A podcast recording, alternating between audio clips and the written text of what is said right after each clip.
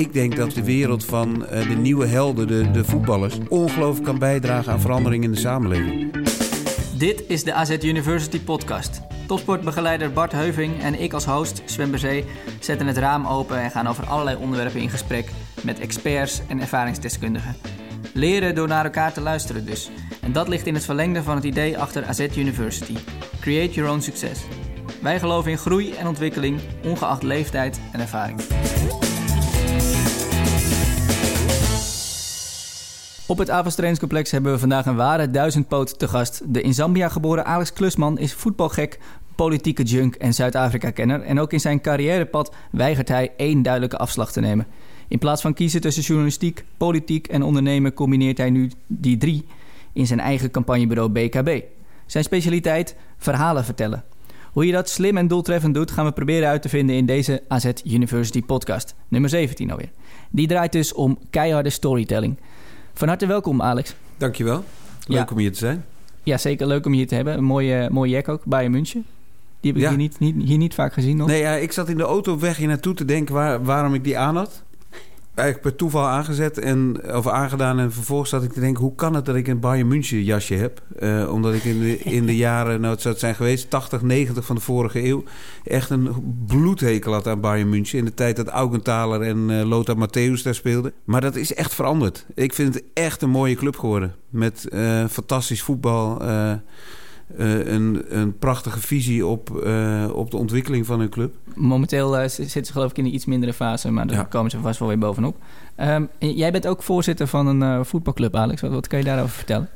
Oh, heel veel. Dan kan ik, ja, ik ben voorzitter en trainer bij DRC, een, een iets wat kleine club in Amsterdam-Noord, Durgedam. Iets kleiner dan, Iets dan waar, je- klein- waar je een jack van aan hebt inderdaad. ja, zeker, dus stuk kleiner. Ehm, maar maakt het niet eh, minder ingewikkeld om eh, die club te leiden. Een club met vrijwilligers is, eh, vind ik, hartstikke ingewikkeld om te leiden. Eh, een vereniging is heel ingewikkeld om in deze tijd te leiden. Eh, gebrek aan vrijwilligers. Eh, en tegelijkertijd is er weinig mooiers dan dat doen. Ik train zelf de onder 16-1. Eh, een team dat ik al bijna tien jaar bij elkaar heb. En dat is fantastisch om te doen. Het is één groot collectief van voor een groot deel echt vrienden bij elkaar... die inmiddels in de puberteit zitten en tegelijkertijd hoofdklasse spelen... en daar onwijs veel plezier in hebben. En een trainer die langs de kant staat, soms iets wat fanatiek is... en daar heel veel plezier haalt. Ja, en onder 16, dat is ook ongeveer de leeftijd van jouw zoon, denk ik. Ja, mijn oudste zoon zit in dat team ook. Oh, die zit Eh, ook in Ja, dat die team. zit in dat team. Dus die, die heeft er af en toe wel lastig mee. Die vindt het heel irritant dat zijn vader voor de groep staat.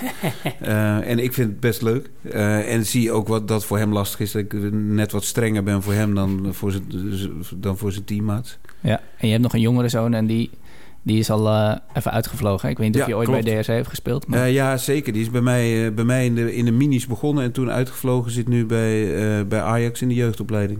En ik had hem beloofd het niet te zeggen, maar nu heb ik het toch gedaan. ja, ja, nee, We precies. kunnen, Maar al- je- we je- kunnen alles eruit knippen. Ja, precies. Er wordt, er Nee, wordt, nee, wordt nee. keihard weggeknipt. Nee, nee, maar, maar jij, jij bent dus wel vaker hier op het Aventrainingscomplex Ja, geweest, denk ik. zeker. Met Om, wedstrijden van kijken. hem om te kijken naar eh, altijd lastige AZ uit. Ja, dat wou ik zeggen. Ja, Ja, dat is altijd lastig. ja, meestal verloren, neem ik aan. Of... Ehm, nou, nee, dat valt ook wel mee. Al wordt er heel vaak geklaagd over de, de scheidsrechters hier. Oh ja? Dat hij net wat in het voordeel van eh, de thuisploeg fluiten. Oké. Ik weet niet of het waar Ja. is. Laten Nou, we af, het en toe, af en toe stoppen we ze wel wat toe, inderdaad. Dus dat... eh, Is wel een Kan- van de problemen in het, eh, in het amateurvoetbal, vind ik hoor. Ja, dat, ja. dat je daar altijd, bijna altijd, nu zelfs in de categorie A jeugdcompetitie, gewoon met clubscheidsrechters te maken hebt. Ja. En dan ook nog met, eh, met de, de grenzen die van, de, van het eigen team zijn. Dus ik denk vaak, je kan beter zonder grensrechten spelen en met één eh, onafhankelijke scheids. Het levert zoveel gezeik en problemen op. ja, ja, eens. Bart, jij ook, eh, heb jij dat ook ervaren? Want jij, jij voetbalt ook nog steeds, toch? Ik eh, ben op de zondag gestopt. Ik voetbal bij eh, NFC, ja. Maar ik voetbal nu op de donderdagavond 7 tegen 7. Maar dat heeft te maken met iets makkelijker plannen is op de zondag met kinderen. En daar heb je dus wel onafhankelijke scheidsrechters. Dus dat, dat, dat helpt zeker mee. Maakt zoveel verschil. Ja, dat is... Ja, precies. En, en ik denk dat je dat dan ook wel leert waarderen, toch? En, en jij misschien Ja. helemaal, Alex, als, als voorzitter die werkt met vrijwilligers. Ja, En, ja. ja. Ja. Ja. Nee, het is, eh, het, is, weet je, het is in deze tijd hartstikke ingewikkeld om eh, een vereniging te leiden. eh, die door de, ehm, de leden, ik wil bijna zeggen consumenten, want zo zien ze het zelf va- vaak, wordt gezien als een dienst die je afneemt. En Ja. dus zet je in je Tesla je kinderen af. en bent dan anderhalf uur later weer terug om ze op te halen. Uh, en op het moment dat je dan bardienst hebt of wat voor andere dingen, dan wordt er onwijs gezucht en gesteund. En dan wordt er eigenlijk al heel snel gezegd: kunnen we die niet afkopen? Dus uh, ik zou, ik ben, weet je, en dan, dan maak ik een beetje een overstap naar, naar jouw introductie. Van ik weet niet waar ik tussen moet kiezen, journalistiek, politiek. Uh, ik, ik zou heel erg voor een herwaardering van, de van het verenigingsleven zijn. En dus misschien ook wel voor een maatschappelijke dienstplicht. Waar, waar je dit soort vrijwilligerstaken weer veel meer onderdeel van, van het leven gaat laten zijn. Want zo'n vereniging is zo belangrijk voor, voor de gemeenschappen waar, waar, die, waar die club in zit. Of dat nou een dorp of een stad of een, een buurt is. Uh, en je voelt wel dat het uitgehold wordt. Ja. Dus ik ben bijvoorbeeld met de, de wethouder, nieuwe wethouder sport in Amsterdam in gesprek om te kijken of we niet een deel van, uh, van zijn ambtenaren uit de, uh, uit de gemeentegebouwen kunnen halen en naar de clubs kunnen brengen. Want wat heeft voor zin om heel veel ambtenaren te hebben die op een, uh, een gemeentehuis of in Amsterdam een stadsdeelkantoor zitten. En die houden dan keurig hun, hun schemaatjes bij wat een vereniging moet doen. Het zou zoveel beter zijn als gewoon in de kantine zitten. En daar twee dagen in de week die, dat gedeelte van, van de buurt daar runnen. En dan heb je meteen je vrijwilligers of je betaalde krachten te, te pakken. Maar dat is natuurlijk een ongelooflijke cultuurverandering die je teweeg brengt. Dan moet je als wethouder ineens tegen je ambtenaren gaan zeggen van... nou, je verliest je, je, je werkplek hier op het gemeentehuis... met de lekkere koffie en je pasje en de lunch... en je gaat nu in de kantine van uh, eh, AFC De Dijk of uh, eh, DRC of Habok zitten... Ja, ja ik, ik, voel wel gelijk al de gedrevenheid. Je doet, je doet dingen vanuit je hart, volgens mij. Als ik het, uh, als ik het zo hoor alleen al. Uh, dan, dan kom ik eerst eventjes bij, uh, bij Bart Heuving, vaste sidekick in deze podcast. En natuurlijk hoofdtopsportbegeleiding bij AZ. Bart, is dit ook wat jou aanspreekt in, in Alex? Ja, dezelfde zo'n makkelijke introductie hoeven doen vanuit mijn kant. Want inderdaad, ik wou net al zelf wel inbreken en zeggen... nou, dit is waarom we Alex hebben uitgenodigd. En net stonden de, de camera's en de, en de microfoon nog niet aan. Maar zaten we bij mij op het kantoortje alweer even te hebben over en voetbal en andere dingen. Ja, het is, het is gewoon uh, iemand die, die een duidelijke visie heeft. Los vanuit het hart, daar ook echt over nadenkt. En, en inderdaad al langere tijd op het lijstje om een keer uit te nodigen over storytelling. Uh, en dus heel blij dat het nu is. En, en hoe het ooit begon, de connectie, want dat gooien we er altijd in, Alex. Al heb je wel wat aflevering geluisterd, heb je wel wel verteld. Um, is eigenlijk door jouw uh, andere podcastaflevering bij um, uh, de Core Podcast. Over, ja, het ging over jeugdvoetbal en ook over andere dingen. En toen dacht ik, hé, hey, ik, ik, ik hoor gewoon iemand die op dezelfde manier denkt uh, als ik. En toen dacht ik van, ik weet niet eens meer hoe toen de connectie tot stand is gekomen. Instagram. Ja, toch. Het ouderwetse Instagram. dus ja, nee Sven. Dus, en, en al heel lang op het lijstje. En een paar keer was, nou, Alex maakt ook zelf een podcast. Nou, dat zei je niet in de intro, maar dit is ook een van de duizend poten. Um, en daar wel al over contact gehad. Maar elke keer als wij wilden afspreken, zei ja, ik wil graag komen, maar ik moet zelf opnemen. Dus, ja. dus vandaar. Nee, inderdaad. Het intro had ik niet genoeg ruimte om, uh, om alles, uh, denk ik, te zeggen. En dat is nog steeds niet gebeurd natuurlijk. Maar daar gaan we het zo meteen uh, meer over hebben. Ook over jouw bedrijf, BKB. Um, maar voor we goed en, goed en wel van start gaan... wil ik eerst eventjes... ja, we hebben jou gevraagd om een quote mee te nemen hier naartoe.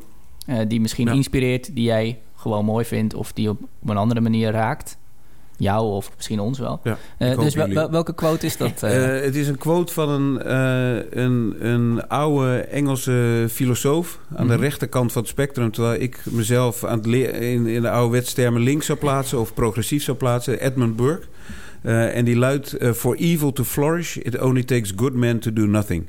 Dus eigenlijk om het slechte te laten bloeien, te laten groeien, heb je alleen maar goede mensen nodig die niks doen. Het is eigenlijk een waarschuwing. Het is een waarschuwing en het is een aansporing aan mensen om vooral uh, dingen te doen, je uit te spreken, uh, de handschoenen op te pakken en niet achterover te, te leunen en te zuchten en te klagen wat er allemaal mis is, maar verander het dan ook. Maar zie je dat veel dan? Uh, heel erg veel. Misschien niet in je directe omgeving, maar... Nou ja, nee, heel erg veel. Ook in mijn directe omgeving, weet je. Ik ik zit in een omgeving waar heel veel uh, slimme mensen zitten. Heel veel mensen met een, mening.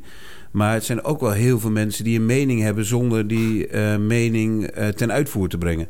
Dus het is heel makkelijk ehm, je beklagen over, om even bij het voetbal te blijven, over eh, problemen rondom de, de amateurvelden. Ja. Weet je, of dat nou eh, eh, vechtpartijen zijn, scheldpartijen, eh, noem maar op. En het is dan heel makkelijk om je daarover te beklagen. Maar het beste is natuurlijk om gewoon in actie te komen en te proberen dat te veranderen. Beste stuurlui staan aan wal. In dit geval ook. Ja, nou ja, ik vind niet de beste stuurlui, maar ze staan wel aan wal, de stuurlui. Ja. Ja, maar dat zijn juist Ja. die, die mensen die misschien wel goede, ideeën Ja. hebben, maar dan, Ja. dan geen bal doen. Ja. Ja.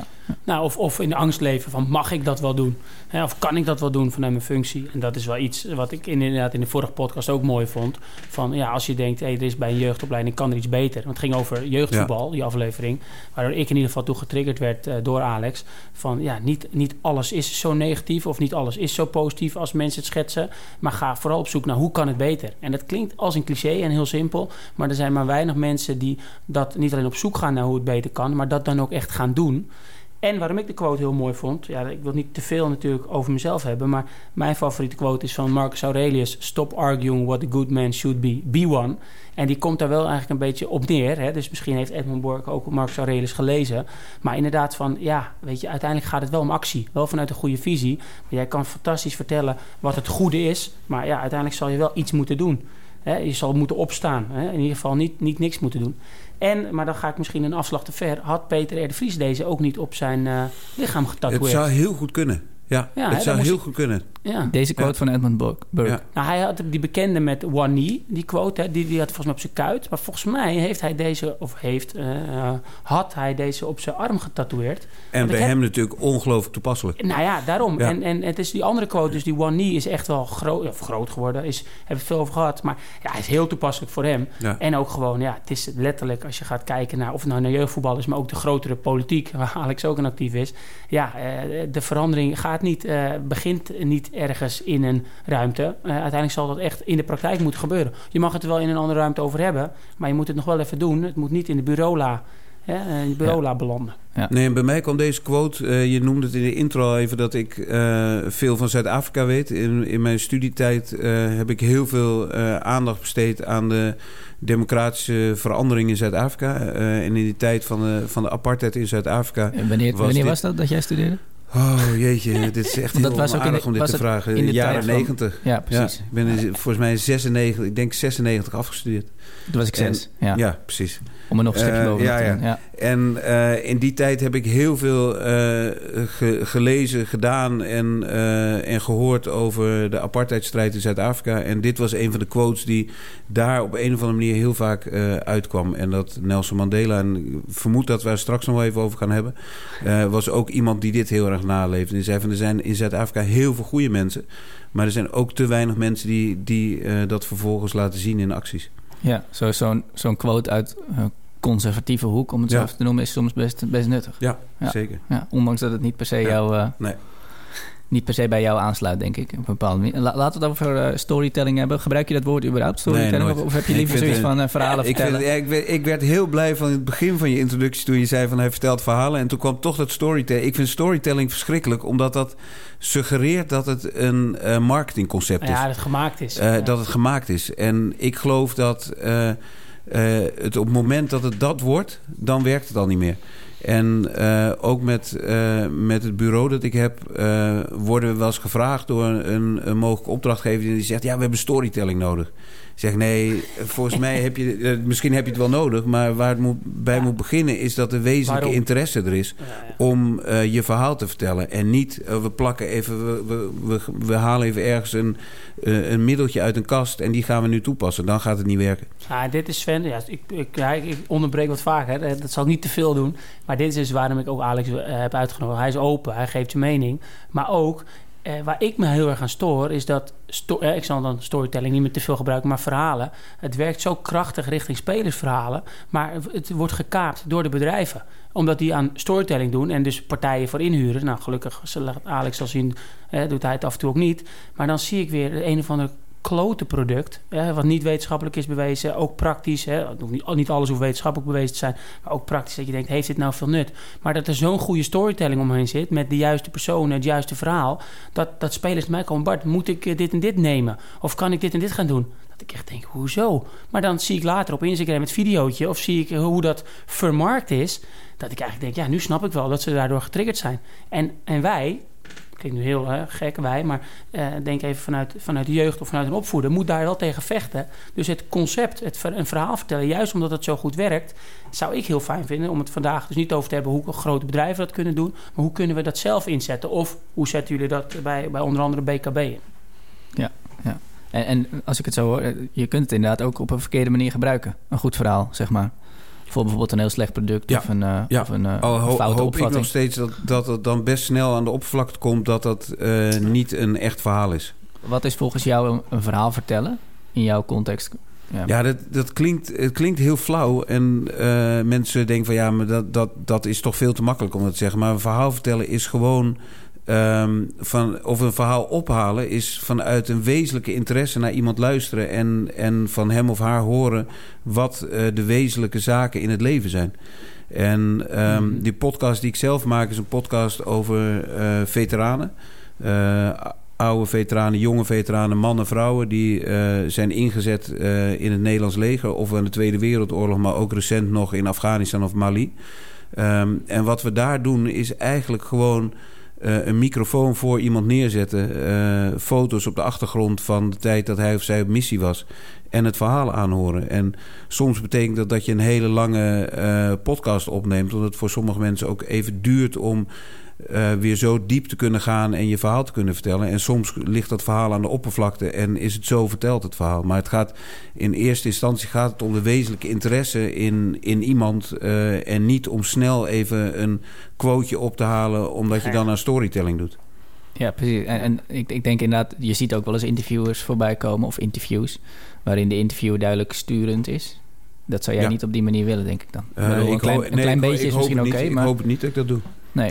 En, en ik denk dat in uh, de voetbalwereld de, de verhalen ook voor het oprapen liggen. En dat, heel vaak te, dat het heel vaak niet wordt gedaan. En dat we, uh, denk ik, ook in de voetbalwereld de, fout wordt gemaakt dat dat mensen denken dat het heel belangrijk is om de spelers helemaal media getraind af te leveren.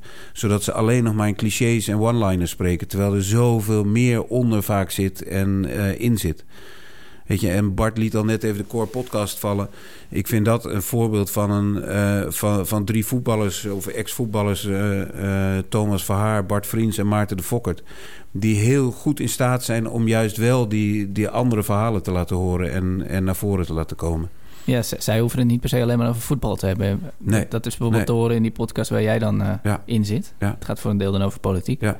En hoe jij ze daarbij geholpen Ja. hebt met allerlei lijsttrekkers in, eh, in hun Ja. podcast. Maar kijk, daar, de, eh, zo ben ik, eh, heb ik hun leren kennen... omdat ik ooit een aflevering luisterde van hun... waarin zij zeiden dat ze uit een rood nest kwamen... maar nooit meer rood zouden stemmen. Of nooit meer Partij van de Arbeid zouden stemmen... omdat ze Lodewijk Asscher, toen nog minister... En, en lijsttrekker van de Partij van de Arbeid een kwal vonden. En toevallig ken ik Lodewijk Asscher en ik vind hem alles behalve een kwal. Dus ik heb die drie jongens meteen met Asscher in contact gesteld... en eh, gevraagd of zij eh, een keer een aflevering met hem konden opnemen. En dat werd ongelooflijk leuk. En vervolgens is daar een hele politieke reeks uitgeboren... omdat eh, die, die drie Cor Potters echt interesse hebben in, in de wereld om ze heen ook. En toen hebben we vervolgens op weg naar de Tweede Kamerverkiezingen... een hele politieke reeks gemaakt. Onder andere met Thierry Baudet... En die haal ik er speciaal even uit, omdat dat een hele heftige uitzending was. Waar ehm, Baudet na afloop soort van boos was, want die eh, vond het niet zo leuk. En die zei van, nou, we doen het gewoon. Want het ging als volgt: de, de uitzending was klaar. En ik stapte binnen, want ik zat in een meekijkkamertje mee te kijken. En ik ken Baudet nog uit een ander leven. Dus ik kwam binnen en hij keek me aan en zei: Hé, hey, Klusman, hoe vond je het? Toen zei ik: Ja, ik vond het verschrikkelijk. Zei hij: Oké, doen we het over. Maar het mooie eraan was, was dat het verschrikkelijk was... omdat er zo'n eh, spanning was tussen die drie mannen en, en Baudet... dat een van de drie na afloop zei... het liefst had ik hem nu op zijn bek geslagen. Maar op zich kan dat ook eh, bijdragen aan een hele vermakelijke podcast. Het werd een hele mooie podcast daardoor. Ja, ik heb die niet geluisterd, moet ik Het eerlijk was zeggen. is- is zeer de moeite Ah, waard... omdat je de Sven. onderhuidse spanning daar voelt van eh Verhaar... die zich dood ergert en Vriends die zich dood ergeren aan Baudet. Ja, dat, dat, dat, dat lijkt me heel vermakelijk Ja. om naar te luisteren inderdaad. Ja. Ah, en die, en ik, ik geniet al jaren van die podcast, eigenlijk wel om dezelfde reden.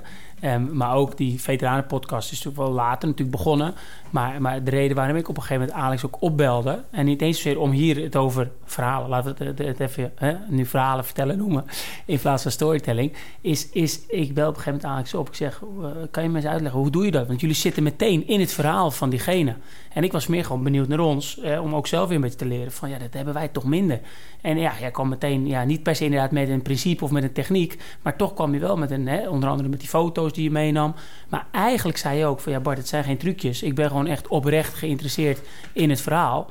En, en, en, en wij waren nog wel, nou, dat zien we nu ook, wij proberen nog wel eens eh, goed voor te bereiden. Ben je ook wel geïnteresseerd, maar ga je soms wel te veel scripten, waardoor je misschien ook die ruimte voor dat verhaal um, ja, er misschien wel is, maar misschien dan net even te weinig. Ja, ja want de andere kant is natuurlijk, dat, het klopt helemaal, die oprechte interesse moeten zijn, ja. anders lukt het niet.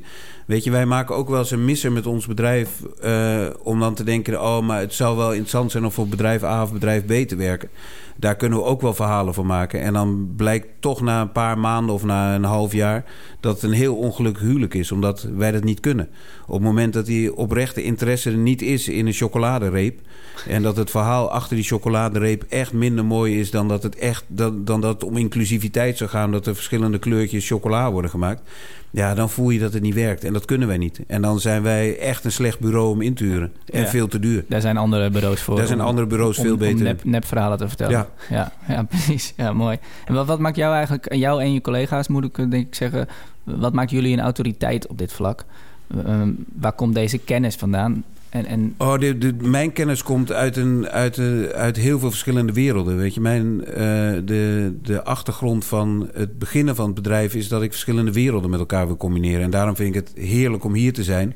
En vind ik het ook onwijs mooi om op Lowlands te zijn. En vind ik het ook heel mooi om uh, op een kazerne te zijn. Om daar militairen en de militaire cultuur te zien. Omdat ik denk dat je juist door werelden met elkaar in contact te brengen. ontstaat er iets veel mooiers dan alleen maar in aparte schotten je, in je eigen wereld blijven zitten. Dus toen, toen wij ons bedrijf begonnen, hebben we, hebben een foto gekocht van Anton Corbijn, een Nederlands fotograaf. Waarin hij uh, Salman Rushdie, de schrijver die onlangs is neergestoken. Ja. Uh, Salman Rushdie tegenover Bono, de leadzanger van U2, portretteert. En zij hebben hun brillen gewisseld. Dus Bono heeft een zonnebril op en Rushdie zo'n klein ja. intellectueel brilletje. En die hebben ze gewisseld. En, en die foto hangt en, naast jou? En die foto hangt echt heel prominent bij ons op kantoor. Omdat dat voor mij aangeeft dat wij altijd werelden willen, willen kruisen met elkaar. Want waarom ja, staat mooi. die foto daar symbool voor dan? Uh, omdat dat ook twee werelden zijn. Dus de wereld van de, van de, de popcultuur en de, weer, en de intellectuele, intellectuele wereld van uh, het schrijven. En ja. die mixen uh, met elkaar geeft een, een sterker resultaat volgens mij. En dat, dat proberen we in onze campagnes ook altijd te doen. En daarom, weet je, er wordt bij mij op kantoor ook wel eens lacherig gedaan. Als ik dan zeg, ik ga morgen naar AZ, dan denk ze, oh, daar heb je de, de fanboy weer die het leuk vindt om die eigen profvoetballer had willen worden, maar dat het absoluut nooit in zich had. Maar dan probeert hij toch zo dichtbij mogelijk te komen. Maar ik denk dat, het, dat, dat juist de wereld van uh, de nieuwe helden, de, de voetballers. Uh, ongelooflijk kan bijdragen aan verandering in de samenleving. Weet je, ik had van de, van de week een gesprek met Wesley Snijder, die via via bij mij terecht kwam en die zich enorme zorgen maakt om de armoede die hij op zijn oude amateurclub in, uh, in Utrecht ziet. Uh, ZHSC. Uh, en, en hij zei, ja, ik wilde wat aan doen dat ik al de, uh, de, de jongeren in achterstandspositie bij die club een jaar lang gratis kan laten sporten. En kan je me daarbij helpen? Dus toen zei ik, ja, daar wil ik je met alle liefde bij helpen. Maar ik vind dat je veel te klein denkt. Ik denk dat jij ja. veel groter moet denken. Weet je, als jij een paar uh, collega-voetballers om je heen verzamelt... en we, we schrijven de burgemeesters van de grote steden... en de, de ja. minister van Armoede aan... die staan te springen om mensen zoals jij... die, de, die, die, die dit verhaal gaan verkondigen. Dus het, voor mij is, zijn er zoveel werelden die elkaar kunnen versterken. En dat moet je veel meer doen. Ja, en daar staat die foto staat daarvoor... dat je ja. inderdaad die wereld bij elkaar brengt. Ja, heel mooi. En uh, nou, uh, misschien moet hij ook alvast eventjes Marcus Rashford contacten. Want die gelooft daar natuurlijk ook in. Ja. En, en inderdaad, als je dat breder... Uh, of in ieder geval samenwerkt... kom je waarschijnlijk veel verder... dan dat je inderdaad in het klein ja. ook wel wat teweeg brengt. Maar, maar je wil die steen in, in, de, in de vijver gooien... om het even metaforisch ja. te zeggen. En dat je echt wat nalaat. En ja, mooi. Mooi voorbeeld ook weer. Wij mogen het Engelse woord voor verhalen vertellen niet meer gebruiken hier. Maar jullie, jullie motto is eigenlijk dream out loud... Ja, dan kom je uh, toch weer bij, bij Corbijn of eigenlijk bij, uh, bij Bono uit. Het is een, ja. een quote uit uh, Acrobat, een van de nummers van U2. En mijn compagnon met wie ik het bedrijf ooit begonnen ben, Erik van Brugge. Uh, dit ja, was dat, zijn, is, dat is voor de duidelijkheid een B in BKB. Ja, dat is ja, de, de, de, tweede B in BKB. Overigens twee jaar geleden heel treurig overleden. Um, maar hij, zijn motto is Dream Out Loud. kan altijd groter. Je moet altijd groot blijven denken. Dus dat is ook het motto van ons bedrijf geworden. Dus als, eigenlijk is het gesprek met Wesley Snijder is daar een voorbeeld van. Die belt op, zegt wil je me helpen met een benefietavond uh, bij de plaatselijke club. En ik zeg ja, ik wil je wel helpen, maar ik vind we moeten dit veel groter. We moeten heel Nederland gaan helpen. En we moeten nu Carola Schouten bellen, de minister van Armoede. Uh, en we moeten Abu Talib, Halsma en Sharon Dijksma, de burgemeester van die drie steden, bellen. En zeggen we gaan nu een heel groot deltaplan uh, starten om te zorgen dat, zoals een paar weken geleden in Rotterdam, een jongetje die op dinsdagochtend duizelig of maandagochtend duizelig uit de klas ging, bleek niet ziek te zijn, bleek het hele weekend niet gegeten te hebben, omdat, die, uh, omdat er armoede thuis is. Dus dan vind ik dat, dat is altijd, je moet altijd groter blijven dromen. Is de minister al gebeld, eigenlijk? Uh, wel, we hebben wel contact met haar, ja. ja. Kijk, uiteindelijk waar ik denk dat Alex hem dan helpt, is, is inderdaad in het groter denken. Maar toch ook, Alex, los van groot denken. Want ik ken ook heel veel mensen die groot denken. Ook wat je net alweer zegt met het netwerk en toch ook wel met de strategie. En ik zie helaas ook uh, heel vaak, zie of hoor, dat, dat de hele slimme mensen die, die ingehuurd worden, voor, hè, dus, dus heel goed strategisch kunnen denken. Eigenlijk dat die bigger purpose, dat grotere doel, is dan puur en alleen winst maken. En dan denk ik wel eens, kijk nu heel idealistisch Sven, maar, maar dat, dat denk ik oprecht, zonde eigenlijk. Want als je dus inderdaad juist de mensen die en het netwerk hebben en de strategie voor dit soort dingen inzet, dan kan je zoveel mooie dingen doen. Wat niet wil zeggen dat, dat ik kan bepalen wat mooi is, maar eh, nog extra winst voor aandeelhouders eruit persen, omdat je fantastische strategie hebt om bladibladibla te doen. En die, die dingen zijn natuurlijk ook dat ik denk, ja, dit vind ik, hè, los van Dream Out Loud en groot denken, ook wel echt je netwerk inzet, die strategie, ja, vind ik heel mooi. En uh, ja, ik weet niet of ik kan helpen, Alex, maar uh, alle beetje helpen, uh, laat me het Nou, vooral weten. Want nogmaals, ik ken Marcus Rashford nog niet. Maar ook dat, als je het over verhalen vertellen hebt... nou, misschien moeten we het toch maar zo gaan noemen, Sven. Ja, ik vind het verhaal van Marcus Rashford echt fantastisch. En dat deel ik dan weer met spelers. Want ik kan wel zeggen, je moet wat terug doen. Maar kijken toch die jongens me een beetje aan van... ja, oké, nou leuk dat Bart dat vindt. Maar vertel ik, Marcus Rashford, de speler van Engeland... en van Manchester United, die in armoede is opgegroeid... die geeft wat terug aan de omgeving qua voeding. Hè, kan lunches, gingen dan op school. Ja. Maar ook uiteindelijk ging hij het met boeken doen. Want hij zei, ja, boeken kunnen me heel veel helpen. Ik wil dat meer mensen gaan lezen. Dat, dat soort verhalen vertellen. Dan trigger je veel sneller spelers dan dat ik zeg... ik vind dat je een boek moet lezen. Of ik vind dat je... Hè, dus, dus ja, en breng die verhalen bij elkaar. Ja, Want misschien, ja, als je dat doet, dat je, en ik wil niet zeggen, Alex, jullie denken klein alleen Nederland, je moet internationaal denken, maar wel om aan te geven van ja, er zijn, eh, er zijn heel veel eh, mensen die hetzelfde manier denken. Alleen als je het allemaal zelf wilt doen, ja, gaat het gewoon soms veel langer duren. Ja. En is, en is het soms misschien wel van cruciaal belang wie het verhaal vertelt? In dit geval bijvoorbeeld een Marcus Rashford inspireert Ja, natuurlijk dat- meer dat dan, helpt wel. eh, Ja, dat dan helpt je, wel. je overbuurman. Ja, nee, het helpt wel. Weet je, kijk, een ander voorbeeld is Morten Torsby. Eh, wordt vaak genoemd in die Core podcast ook. Eh, iemand die heel erg met klimaatverandering bezig is. Is ook een, iemand die waanzinnig mooi zijn verhaal kan vertellen. Ehm, en die, waar het ook echt diep uit zijn hart komt. Maar je ziet daar tegelijkertijd wel de moeilijkheid van de, van de voetbalwereld.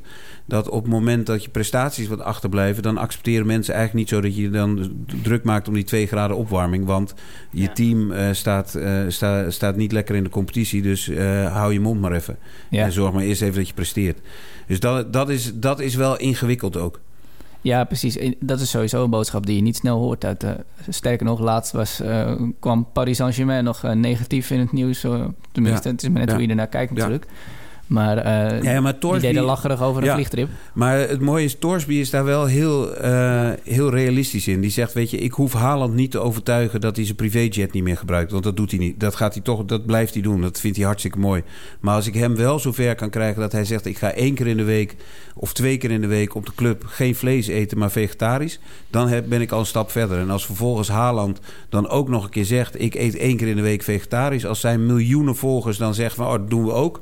weet je, dan heb je al zoveel meer bereikt. Ja.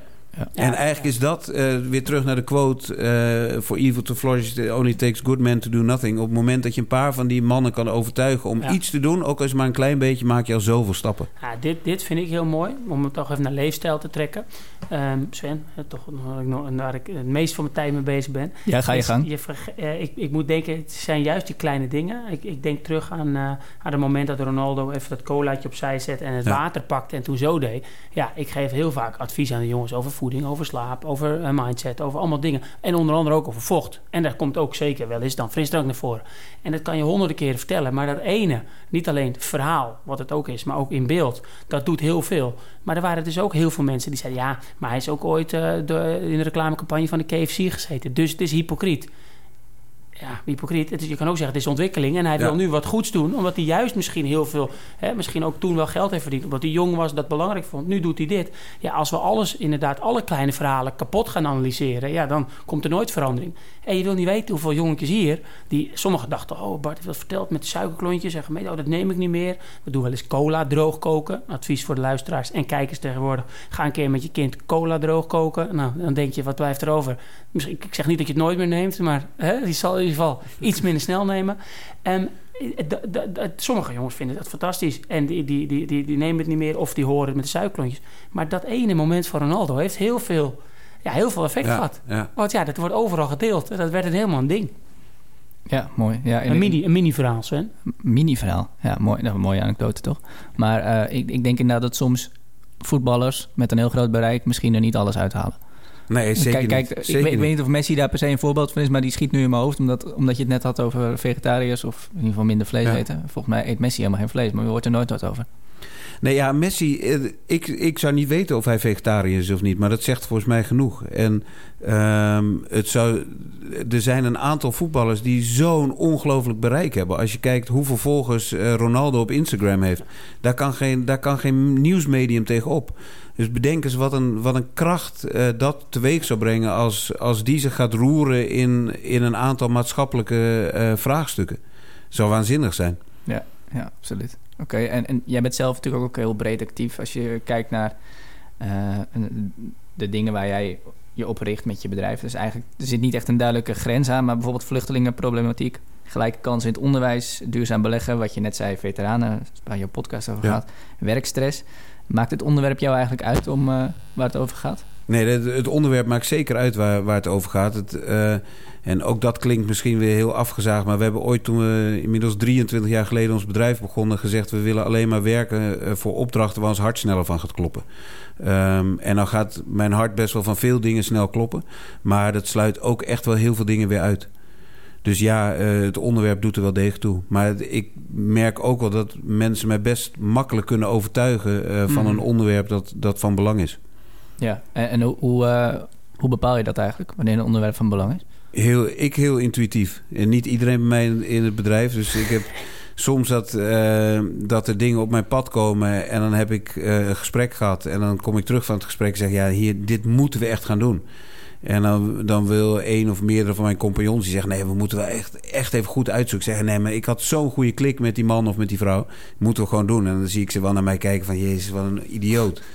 Maar ik doe heel veel intuïtief. Ja, en misschien is het goed dat niet iedereen dat ja. zo doet. Nee, ik denk dat het heel goed is. Ja, ja, ik denk dat het heel goed is voor de balans. Dat er ook uh, anderen zijn die, die uh, wat rationeler naar, naar kijken. Ja, maar dan zeg ik wel altijd, ik heb bijna altijd gelijk hoor met mijn intuïtie.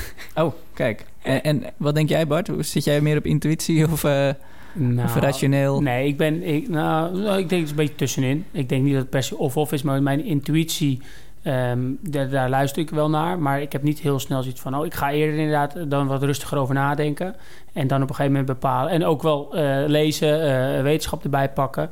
Um, maar ik merk wel, en dat klinkt dan ook wel heel simpel... maar nu ik wat ouder word en, en, en, en ik trap wat minder makkelijk in... alleen maar een onderzoekje of alleen maar een mooi verhaal van iemand. Ik kijk ook wel dan van, hey, oké, wat zit er echt al achter? En dat wat zit er echt achter, ja, daar kom je toch wel wat meer op intuïtie ook uit...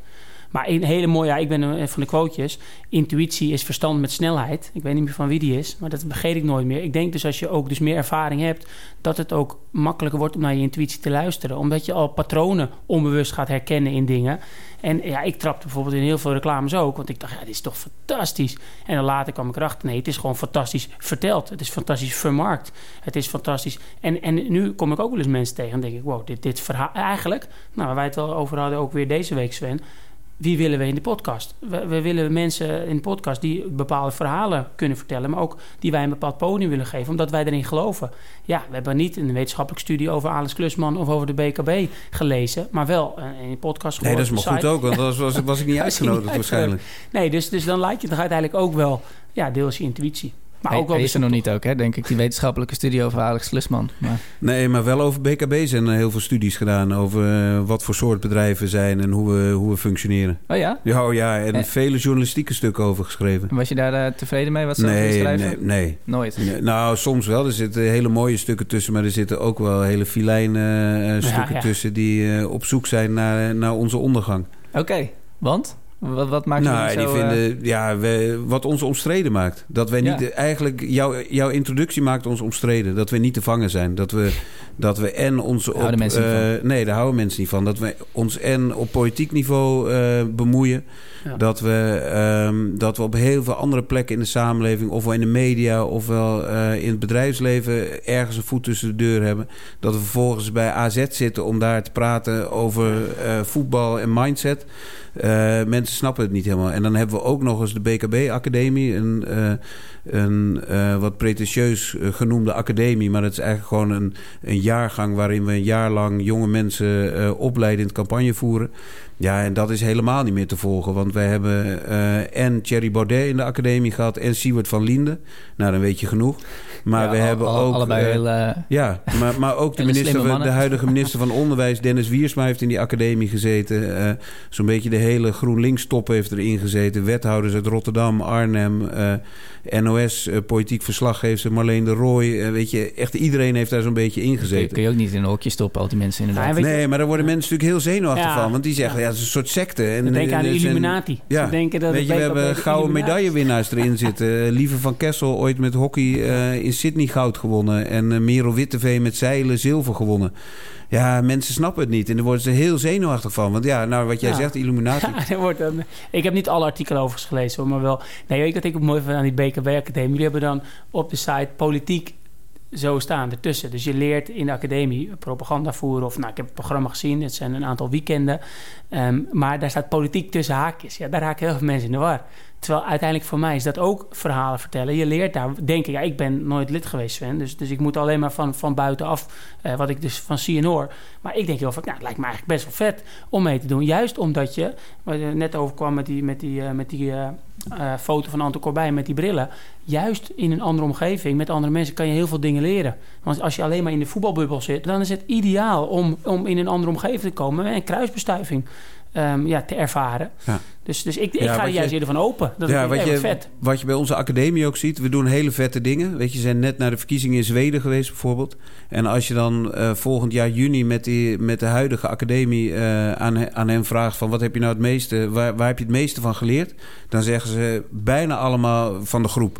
Dus als je nu kijkt, eh, er zit iemand in die eh, in, de, in de Tweede Kamer voor de Boer-Burgerbeweging werkt, maar ook iemand die de, die de rechterhand van Esther Ouwehand bij de Partij voor de Dieren is.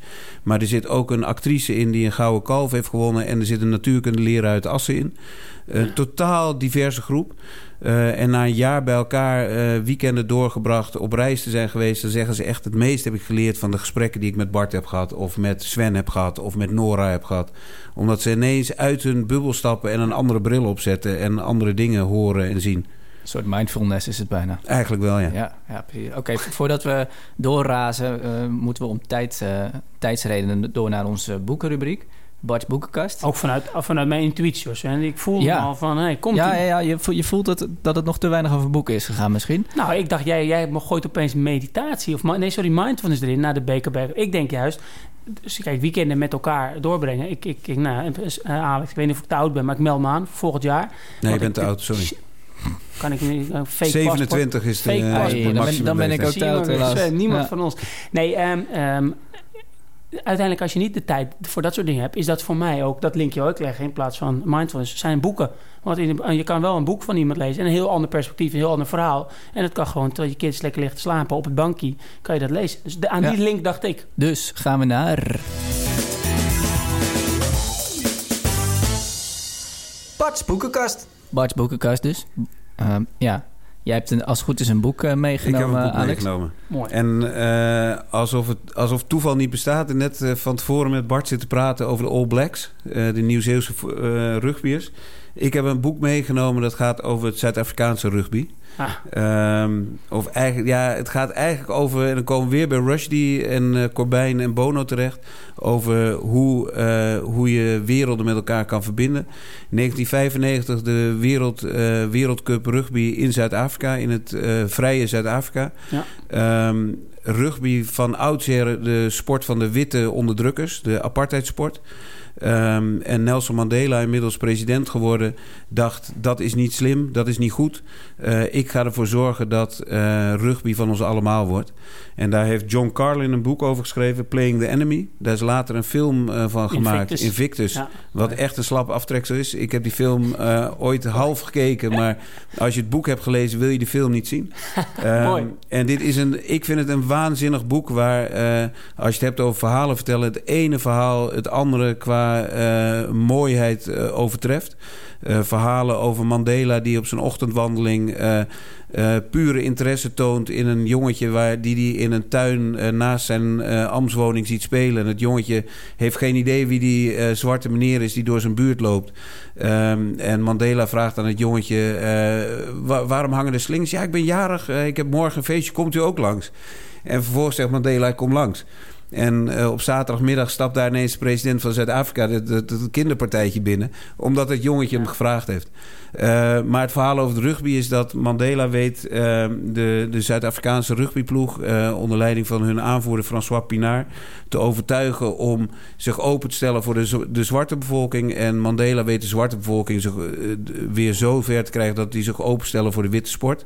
Met als hoogtepunt dat, en dat is de voorkant van het boek, dat Mandela bij de prijsuitreiking in een springbokken shirt in het blauwe, door veel mensen uh, verafschuwde shirt, uh, sorry, Groen, groene, ja. uh, door, door veel mensen verafschuwde groene shirt de, de wereldbeker aan François Pinard overhandigd. En ze, ik vind het een waanzinnig boek. Een van de beste boeken die er is over uh, Zuid-Afrika. Ja, Bart, Bart, je hebt volgens mij inderdaad net, net uh, tien boeken over de All Blacks gelezen. Maar nu, nu uh, kun je de stap naar Zuid-Afrika ah, maken. Ik denk ook, het is, en, en, en, draait om meer dan alleen sport dit. Nou, en, en het draait zeker om meer dan alleen sport. En wat ik ook heel mooi vind is... Dit, overigens is, dat, is die uh, ik heb dus alleen de film gezien, nog niet het boek gelezen. In de film verliezen ze, uh, uh, All Blacks verliezen dan van. Ja, ja. maar daar maken ze ook weer Spoiler uiteindelijk... alert of... nee, nee maar het is dus toch, je moet toch het boek lezen, dat ja, is beter. Ja, ja. Dus nee, um, ja, en Alex triggert mij heel erg met een stukje verhalen vertellen. Want uiteindelijk is dat iets Um, wat je in de film terugziet. Um, maar ook Dream Out Loud. Iemand begint met dat verhaal te vertellen. En dan is het eerst nog een beetje. Wordt ook sceptisch bekeken. Ja. Toch? Van ja, ja, wat, is ja. nou, wat is dat hogere doel? Terwijl hij echt vanuit zijn hart, vanuit zijn intuïtie. Hij denkt: hé, hey, maar dit kan werken. Uiteindelijk werkt het goed. En ja, en, ja dat vind ik, uh, vind ik fantastisch. En andersom, uh, All Blacks verloren dus die finale, Sven. Dat is een spoiler alert. Maar die gebruiken dat weer, die nederlaag en dat verhaal... dat de Zuid-Afrikanen met hun hart speelden... wil in de jaren daarop gebruiken zij dus het verhaal van de nederlaag... om zelf er weer beter van te worden. Ja, dat vind ik weer heel mooi. Dat je ook beseft, hey, je hebt elkaar nodig. Je hebt misschien ook, hoe vervelend die nederlaag toen ook was... je hebt de nederlaag nodig. Dus nee, hij, hij komt bovenop de stapel te liggen. Ja, maar, mooi. Uh, krijg ik een cadeau. Want ja, ja, zeker. Is, nee, zeker. Ja, normaal moet ik altijd zeggen... John, John Carlin, uh, Playing the Enemy dus. Ja, Nelson Mandela en The Game That Made a Nation. Die, die ondertitel, die zegt, ja. die zegt dan ja, een hoop, denk ik. Ja, het, hij overtuigt op een gegeven moment... overtuigt Mandela de, de, de Zuid-Afrikaanse rugbyers... om het nieuwe Zuid-Afrikaanse volkslied te leren. Het gaat om nation building. En het, uh, het, uh, Zuid-Afrikaanse rugby is altijd bekend... Voor het oude, om het oude volkslied, de oude driekleur... Die, ze, die je in de stadions toch weer naar boven zag komen... terwijl die vlag eigenlijk eigenlijk verboden was. En Mandela weet ze te overtuigen van de kracht van een nieuwe vlag, een nieuwe volkslied. Wat voor de meeste van die spelers in een andere taal is, in een, in een, in een Afrikaanse taal. Ja. En zij gaan dan tijdens hun trainingskamp gaan ze dat volkslied leren. Wat een, waanzin, een waanzinnig passage in het boek ook is. Ja, ja, klinkt als een. En, het is denk ik geen toeval dat jij een boek uh, meeneemt over Mandela, toch? Nee, zeker niet. We hebben het net eerder, nee. eerder in de podcast nee, weet ook je, al eventjes over Het mooie Mandela, aan Mandela zat ik op weg hier naartoe te denken. Um, want ik, kan, ik zou ook over Obama dingen kunnen vertellen. Als je het nou hebt over iemand die fantastisch verhalen kan vertellen... en daar de, de, de, de kracht van het woord bij heeft. Maar die heb jij nooit in uh, Nederland gehad natuurlijk. Nee, maar ik heb hem wel ooit voordat hij president was ontmoet... omdat hij toen al zo'n fantastisch verhaal vertelde. Dus een, een hele korte Zijn boek was er natuurlijk al toen. Uh, nee, ook nog niet. The Audacity of Hope. Nee, het was in 2004. Het was de Democratische Conventie uh, in Boston. Ehm, John Kerry was toen de presidentskandidaat. En er was toen een uh, jonge ehm, uh, man uit Chicago, genaamd Barack Obama, die uh, senator in Illinois wilde worden. En er was al wel bekend dat het best een goede, een begenadigd spreker was. Dus in de grote convention hall in Boston was er op een van de avonden van die conventie, die duurt al vier dagen, was er een spreker uit Chicago, Barack Obama, en die sprak die zaal toe. En dat was waanzinnig. Dus er 20.000 man die helemaal uit hun dak gingen. Die wisten niet wat ze zagen. Ineens een zwarte, een zwarte Amerikaan die die hele zaal plat kreeg. Dus wij zaten er ook. Ik zat er met Erik, mijn eh, compagnon. En wij dachten, wie is deze man? Dus wij meteen in alle krantjes kijken, spreekt hij nog ergens anders? En toen vonden we dat hij de dag daarna zou hij voor de Black Caucus... een, een, een zwarte groep uh, docenten zou die ook spreken. Dus wij daarheen, een klein zaaltje in een hotel, zaten 40 man. En uh, Obama komt daar binnenlopen en die geen geluidsinstallatie... en die pakt een stoel en die gaat op die stoel staan en die die roelt gewoon meteen die, die hele ruimte. En die zegt, ja, dan mensen zeggen, oh, het was fantastisch gisteren. Zegt ja, fantastisch gisteren. Denk je dat ik zenuwachtig was om 20.000 man toe te spreken? Nee, ik ben zenuwachtig als ik een schoolklas inga... en ik moet de ouders toespreken over de staat van het onderwijs in Amerika. Weet je, dat soort dingen. Het was echt waanzinnig. Ja. Dus, maar het is een hele lange intro om iets over Mandela te zeggen. Barack Obama heeft de kracht van het woord. Mandela had dat niet. Die was geen begenadigd spreker, maar die had weer zulke... Uh, prachtige uh, menselijke manieren om met mensen om te gaan. Dat dat het weer oversteeg. En dat werd zijn storytelling volgens mij. Dus ja, als je... en hij had natuurlijk een een bijzonder verhaal, mooi, denk ik. Hij had een bijzonder verhaal, maar hij wist dus ook bijvoorbeeld de, de man die jarenlang zijn uh, bewaker is geweest op Robben-eiland. Mhm. Heeft hij nadat hij vrijkwam en president was, heeft hij hem uitgenodigd bij hem uh, in, zijn, in zijn ambtswoning. Omdat hij een band met hem had opgebouwd en het gevoel had dat die man meer was dan alleen maar die bewaker. En vervolgens is die man eerst een bodyguard geworden uh, als president. En toen vervolgens is hij overgestapt naar, naar het ANC, de partij van Mandela. En is die raadslid voor het ANC geworden. Dus die man heeft een, een, reis afgelegd van, en een ontwikkeling doorgemaakt van bewaken, waarschijnlijk gevangen door het systeem. Wist niet anders. Een witte man wordt, uh, groeit op in een apartheidsland. Gaat dan uh, vanzelf een bepaalde richting op. En, en uiteindelijk wordt hij raadslid voor, voor de vrijheidsbeweging. Nou, ja. dit vind ik, kijk, uh, dit vind ik zo mooi. Hè? Barack Obama had de kracht van het woord. Nou, ik heb hem nooit ontmoet, maar wel vaak gezien. En ook in, in, in andere dingen over te spreken, veel over hem gelezen. Mandela inderdaad minder. Maar ik moet meteen aan denken, hij in dit soort acties, daarom zei ik ook ontwikkeling. Hij ziet de mens hè, uh, achter de, de getallen, of, of nou het verjaardagspartijtje verhaal is, of dit verhaal weer. Ja, en da, daar, daar moet ik meteen aan denken. Hij kon het dan misschien niet zo goed uitleggen, maar hij was het wel, hij embodied het. En daarmee kan je dus ook, en dat vind ik heel mooi, ook een verhaal vertellen. Dus je kan het doen met de kracht van woorden, maar ook gewoon in, in je acties en authentiek en in kleine dingen. Die, die, als je het niet als een mooi verhaal vertelt, kan je natuurlijk denken, ja, hij gaat naar een partijtje. Of ja, hij maakt zijn ja. bewaker. Maar als je het verhaal erachter ziet, hij ziet de mens hè, uh, voor, voor dat partijtje. Of hij ziet potentie in iemand en geeft hem ook de ruimte. Nou, we weten allemaal, die potentie in mensen zien, dat gebeurt niet overal. Als je nou helemaal niet daar en daarbij zit, dan kijk je half naar je om. Ja, dat vind ik uh, ja, heel mooi. Ja, en Alex, ik denk dat het goed is voor de, voor de luisteraar om in ieder geval nog even te schetsen. Wat is precies de link tussen jou en Mandela voor ja, was hij er maar, die link tussen mij en Mandela. Was die er niet? Nou, ik heb, hem nooit, ik heb hem nooit ontmoet. Ik ben één keer bij hem thuis geweest en toen was hij niet thuis. Dat was, uh, dat was uh, en tegelijkertijd misschien ook was wel... ingebroken bij hem of zo dan? Nee, nee. Ik, uh, mijn eerste baan was een baan voor twee politieke partijen in Nederland. GroenLinks en de Partij van de Arbeid. Om democratiseringsprojecten met Zuid-Afrikaanse politieke partijen op te zetten.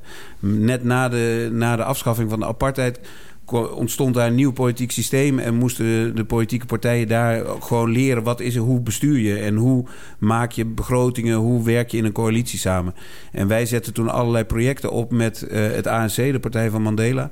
En ik was toen een aantal weken in Zuid-Afrika om dat, om dat op te zetten en te regelen. En toen de man met wie ik het meeste werkte, die zei op een gegeven moment: Oh, ik breng je straks even terug naar het guesthouse waar je zit. Maar ik moet nog even een envelop afgeven bij de, bij, bij de old man.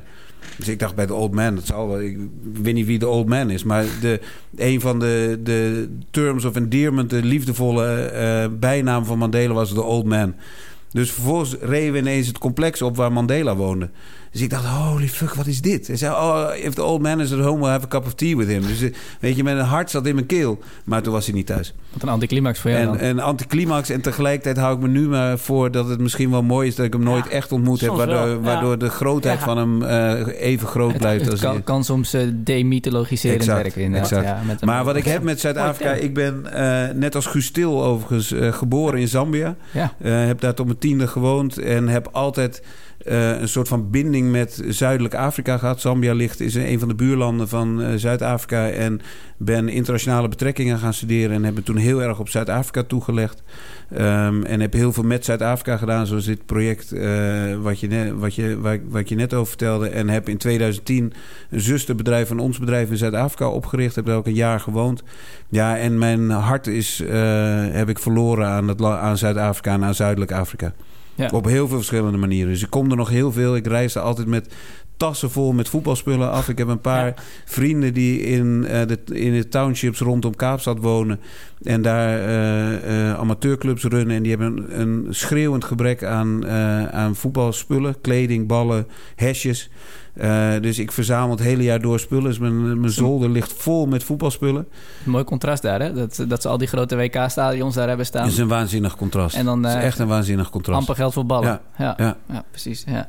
En, en eh, ik moet bij Nelson Mandela moet ik dan denken aan, de, aan, die, aan een van zijn beroemde quotes: It always seems impossible until it's done. Eh, hoe belangrijk is sloganeering in het, het- ja, weer een Engels woord, in het vertellen van een verhaal? Eh, ik denk best belangrijk, uiteindelijk. En best belangrijk was ooit een slogan die werd gebruikt eh, rondom de Europese Unie. En de uitbreiding van de Europese Unie was toen Europa best belangrijk. En die is toen ook echt afgeslacht, die slogan. Nou ja, die klinkt niet heel erg Nee, niet heel nee. wervend, hè? Nee. nee, dus ik denk dat het echt belangrijk is. Ik denk dat het echt belangrijk is. En dat, dat heeft Obama natuurlijk ook laten zien. Ja. Ja, yes we can. Yes, we can. Ja. En hoop, hè, weet je, heeft alleen met het woord hoop... Ja, heeft hij, zeggen, was eigenlijk al een slogan Hoop. eh, Aan zich, ja. En Bart, er speelt hier ook wel een rol, toch? Slogans. De, de, her en der hier op het Avens trainingscomplex, op de muren... staan af en toe wat mooie uitspraken. Nou ja, en ik zie de, de Nike swoosh. Ik heb ooit een verhaal van iemand gekregen die zei van die, die slogan van Nike Just Do It is zo, zo goed en eh, doordacht in de hele organisatie doorgevoerd. En die, die man die dit verhaal vertelde, die zei van het beste, dit was jaren geleden dit het verhaal vertelde, dat je nog die Nike Towns in Los Angeles en Ja. New York. En hij zei, eh, ik was daar een keer met me en ik, dit was zo'n fantastisch eh, uitgevoerde winkel. En ik liep daar met mijn fototoestel, hij was marketeer. En hij wilde een foto nemen van, van die stellages. Ik dacht, ik vraag het even aan een... Je voelt hem al aankomen. Ja, ja, Ik vraag het even aan een medewerker. Uh, can I take a picture? En die medewerker, die, die didn't blink an eye. Die zei meteen, just do it. En daarmee, weet je, tot, tot in de vezels van de organisatie... ook die slogan uh, doorleeft. Ja, ja, Ja, nee, die is, die, is, die is fantastisch. En, eh, stond dat ook in Shoe Dog? Dat, ik heb die ooit gelezen. Nee, weet echt, niet. Zijn ook allemaal, allemaal ik heb ooit van iemand bij de BKB-academie... die, Ja, een, uh, die een sessie is het gaf. verhaal uh, van de eigen van de oprichter of uh, het boek van de oprichter van Nike. Ja, dat is uh, het staat ook bol van. Daarom zit ik te denken, stond hij daarin? Anders, um, daar staan ook van die fantastische Ja. dingen in over waar het bedrijf voor staat en wat ze doen. En als je naar hun commercials kijkt, ja, als klein kind rondom de WK's, of het nou was in die, in die boot Ja. met straatvoetbal, of het nou later was, had je zo eentje waar Arsene Wenger ook in zat. Dan werd je gefilmd en dan zag je de ontwikkeling van een speler uh, tot aan, nou ja, ik kan nog even doorgaan, take to the next, of die heette take it to the next level. Je hebt is talent all takes als slogan, dan vraagteken en dan zie je Dembele, oud AZ en uh, compagnie keihard trainen. En dan hoor je een speler, of sorry, dan hoor je een stem zeggen: Als je talent hebt, kan je lekker die sportauto rijden. Gaat het om een nieuw toilettasje kopen. Dan hoef je niet hard. Hè, die hoor je eigenlijk allemaal het clichébeeld van de voetballers. Maar ondertussen zie je dus die twee gasten op een verlaten veld keihard trainen. En dan eindigt ze met: Is talent all takes? Vraagteken. Ja, en Sven, ja, dus quotes, hè, want daar, daar vroeg je net naar, zijn die belangrijk? Zeker. Maar ook dat soort kleine video's, laat het maar aan de jongens zien. En dan een discussie daarover hebben. En, en een quotes waar jij zei, hangen in de, in, in, in de gang. In de wat gym mij betreft is een ja. quote, ik zie het niet als een quoteje van, oh nee, een quote is wat mij betreft een mini-verhaal. Dus of het nou deze quote is, maar ook... eh, eh, wij hadden vroeger de quote bij AZ... maak je dromen waar. En dat, hing, dat was een beetje onze, onze slogan. Ja, dat, dat, dat, dat, dat- het gaat niet om, dat, eh, om die ene woorden... maar welk verhaal, welke betekenis zit erachter. Voor ons, je moet dromen, maar je moet ook waarmaken. Want alleen maar bedrijven dromen... nou, maak je dromen waar en dream out loud... ja, dat lijkt wel een beetje op elkaar... En nu, hoe het in het nieuwe complex hier, nou ja, nieuw, eh, toen hij nieuw kwam, hebben we in alle kleedkamers. Staat hier alweer zes jaar Ja, hè, inmiddels. Passend Ja. bij de leeftijden hebben we quotes opgehangen. En de 1 in 112 gaat over tweebenigheid. En dan, hè, dat is dan een quote van Vlaar, die zegt tweebenigheid is wat je kan ontwikkelen. Maar in de gym hangt heel groot earned, not given. Waar dus gaat over, je kan misschien wel wat meer aanleg hebben. Hè, maar uiteindelijk moet je het ook dan je verder ontwikkelen. En niets is je helemaal gegeven. Misschien dat kleine beetje aanleg. Maar wat ga jij doen om je verder te ontwikkelen? Ja, en sommigen zien dat en denken misschien moi. Anderen zien het en denken, oh ja, daarvoor ben ik hier. En misschien een trainer kan er af en toe naast gaan staan... en het verhaal gaan vertellen over... nou, bijvoorbeeld Wout Weghorst, die hier binnenkwam... en toen nog toch als tweede of misschien wel als derde spits... maar die daar weer echt een mooi voorbeeld van was. En dan gebruik je de quote, wat al een klein verhaaltje is... om, een ander, hè, om, om mensen te triggeren om een ander verhaal te vertellen. Ja, daarom geloof ik heilig in quotes. En net wilde ik er zelfs alweer in het verhaal over Mandela... wilde ik alweer een quote ingooien. Don't explain your philosophy, embody it. Niet van Marcus Aurelius, maar van Epictetus, een andere filosoof. En ja, dat vind ik, dat is voor mij de quote over Mandela. Want Ja. hij embodied, of eh, nog mooier gezegd, belichaamt het. Ja, ja, heel mooi. En ik wilde eigenlijk ook nog vragen van... We zitten wel bijna aan onze tijd overigens, maar... eh, he- wat heeft de voetbaltrainer eigenlijk aan goede storytelling? Zo staat het op mijn eh, papiertje Nou, althans. Maar volgens mij leg je dat hier min of meer al Nou, ik uit. leg het hier deels uit. En eh, ik wou eigenlijk al vanaf het begin ligt op het puntje van mijn tong, eh Bayern München. Ik ben wel blij dat je het aangetrokken hebt, Alex. Want uiteindelijk is voor ons richting die spelers, bijvoorbeeld, ik gebruik heel vaak het verhaal van Bayern München. Toen ze onder andere Barcelona omverbliezen. Ik zeg, jongens, wie heeft het gezien? Natuurlijk allemaal gezien. Zeg, nou, gaan we nog even genieten, even vijf minuten samenvatting kijken. Vijf minuten zitten we die samenvatting te kijken. Jongens, hoe komt het dat Bayern München zoveel beter is dan Barça? Komen ze zelf voor. Ja, maar bij München zit Lewandowski en die en die. En die trainen echt hard. En dat zien we ook op Instagram. En eigenlijk vertellen zij het verhaal. Oh, hoe is dat bij Barcelona? Ja, volgens mij wel minder. We weten het niet, hè. Maar je gaat met de jongens, vertel je eigenlijk het verhaal. Ik heb toen contact opgezocht met iemand die een goede connectie had bij, eh, bij Bayern München. Dat was Jarno Vorentholt. Die kom weer via Robben bij Groningen daar. En die kon ik tegen de jongens zeggen... Nou jongens, ik heb, eh, eh, jullie dit verhaal vertellen we nu... maar ik heb gehoord dat ze helemaal niet per se harder trainen... Maar dat ze hun leefstijl heel serieus nemen. En later hoorde ik ook weer dat Coutinho, toen hij naar Bayern München kwam, via Fabian Sporksleder, een andere gast, die zei: Bart, Coutinho zat bij Bayern München. En iedereen nam zijn leefstijl zo serieus. Hij wilde allemaal extra apparaten aanschaffen om naast voeding, slaap en mentaal ook die laatste dingetjes nog beter te doen. En eigenlijk het Bayern München verhaal gebruik ik dus richting de jeugdspelers om leefstijl niet je moet aan leefstijl doen, maar een inspirerend verhaal te vertellen, waardoor zij denken: ik wil aan leefstijl doen. Dus wat mij betreft is verhalen vertellen een van de belangrijkste ehm, eigenschappen die je moet bezitten of moet ontwikkelen als trainer. Want dan wordt het niet, je verplicht maar het wordt veel meer leuk. Hé, hey, daar wil ik ook, dat wil ik ook. Ja, ja. En Alex, misschien zou het, het ver- ver- vertellen van een goed verhaal... en het op de goede manier vertellen, dat het beklijft... zou misschien onderdeel moeten zijn van een trainerscursus? Of is dat... eh, dat Ja, nou ja, niet alleen van de trainerscursus. Ik denk dat, dat, dat heel veel voetbalorganisaties niet beseffen wat ze in de handen hebben. Weet je, dat ze... Wat, het zijn echte... Het zijn de nieuwe... Het zijn de nieuwe helden. Weet je, de, jullie hebben een huis waar, waar, de nieuwe, waar de ridders van de 21ste eeuw eh, wonen of eh, een groot deel van de dag zijn. Dus besef wat je in handen hebt en wat je, wat je daarmee kan bereiken, maar ook wat je ermee kapot kan maken. Dus ja, eh, niet alleen, trainers, niet alleen door de trainerscursus, maar door de, door de hele organisatie. En volgens mij is dat iets waar Bart onwijs mee bezig is. Maar het kan bij heel veel eh, clubs nog veel beter, volgens mij. Ja, ja precies. Oké. Aan het einde van de podcast vragen we onze gast altijd om nog één praktische tip mee te geven. Heb jij er eentje voor de, voor de luisteraar? Ja, ja, volgens mij is die, die is heel simpel. Dus gewoon stel jezelf open, weet je. Wees, wees geïnteresseerd. En we gaan niet al bevooroordeeld ergens naartoe... omdat je vanuit jouw waardekader denkt van... nee, dat past niet bij mij, weet je. Een voetbalclub hoort niet bij iemand die eh, progressief links is. Want voetbal eh, is Dat, dat, kapitalistisch. dat is en het cliché dan. dat is het cliché. Dus Ja. ga met een, met een open mind ergens naartoe. En kom hier op dit complex daarachter. Dat, dat AZ met sommige dingen zo ver is. Veel verder dan, dan menig bedrijf of menig organisatie. Omdat daar types zoals jullie rondlopen. Weet je, dus wees, wees open-minded gewoon. We- Ga met een open blik alles tegemoet. En laat je dan overtuigen. Of laat je vervolgens door je intuïtie zeggen... nee, maar die, die Bart, dat klopt helemaal niet. Dit doet hij om een hele andere reden. Ja, dat heb ik ook wel eens, dat gevoel bij Bart. Ik ben, ik ben ja. niet de enige, Sven. Misschien nog heel kort, eh, la- als voorbeeld van openstaan. Rob Dekker, een, veteraan, eh, meerdere keren Afghanistan. In alles hoe je denkt dat een veteraan eruit ziet, ziet Rob eruit. Ik had hem ontmoet omdat hij een gym is begonnen in Assen... waarin die eh, veteranen die met eh, een kras op hun ziel terugkomen van een uitzending. Aan de hand van sport probeert weer eh, eh, wat, wat, zelfvertrouwen te geven. Ik had met hem een gesprek gehad. een waanzinnig gesprek. Drie uur lang in zijn gym gezeten. Een schuurtje in Assen. En toen vervolgens gingen we met onze BKB-academie. Gingen we op een reis door Nederland. je eigen land beter leren kennen. Toen had ik tegen degene die die reis organiseerde gezegd... we moeten bij Rob langs.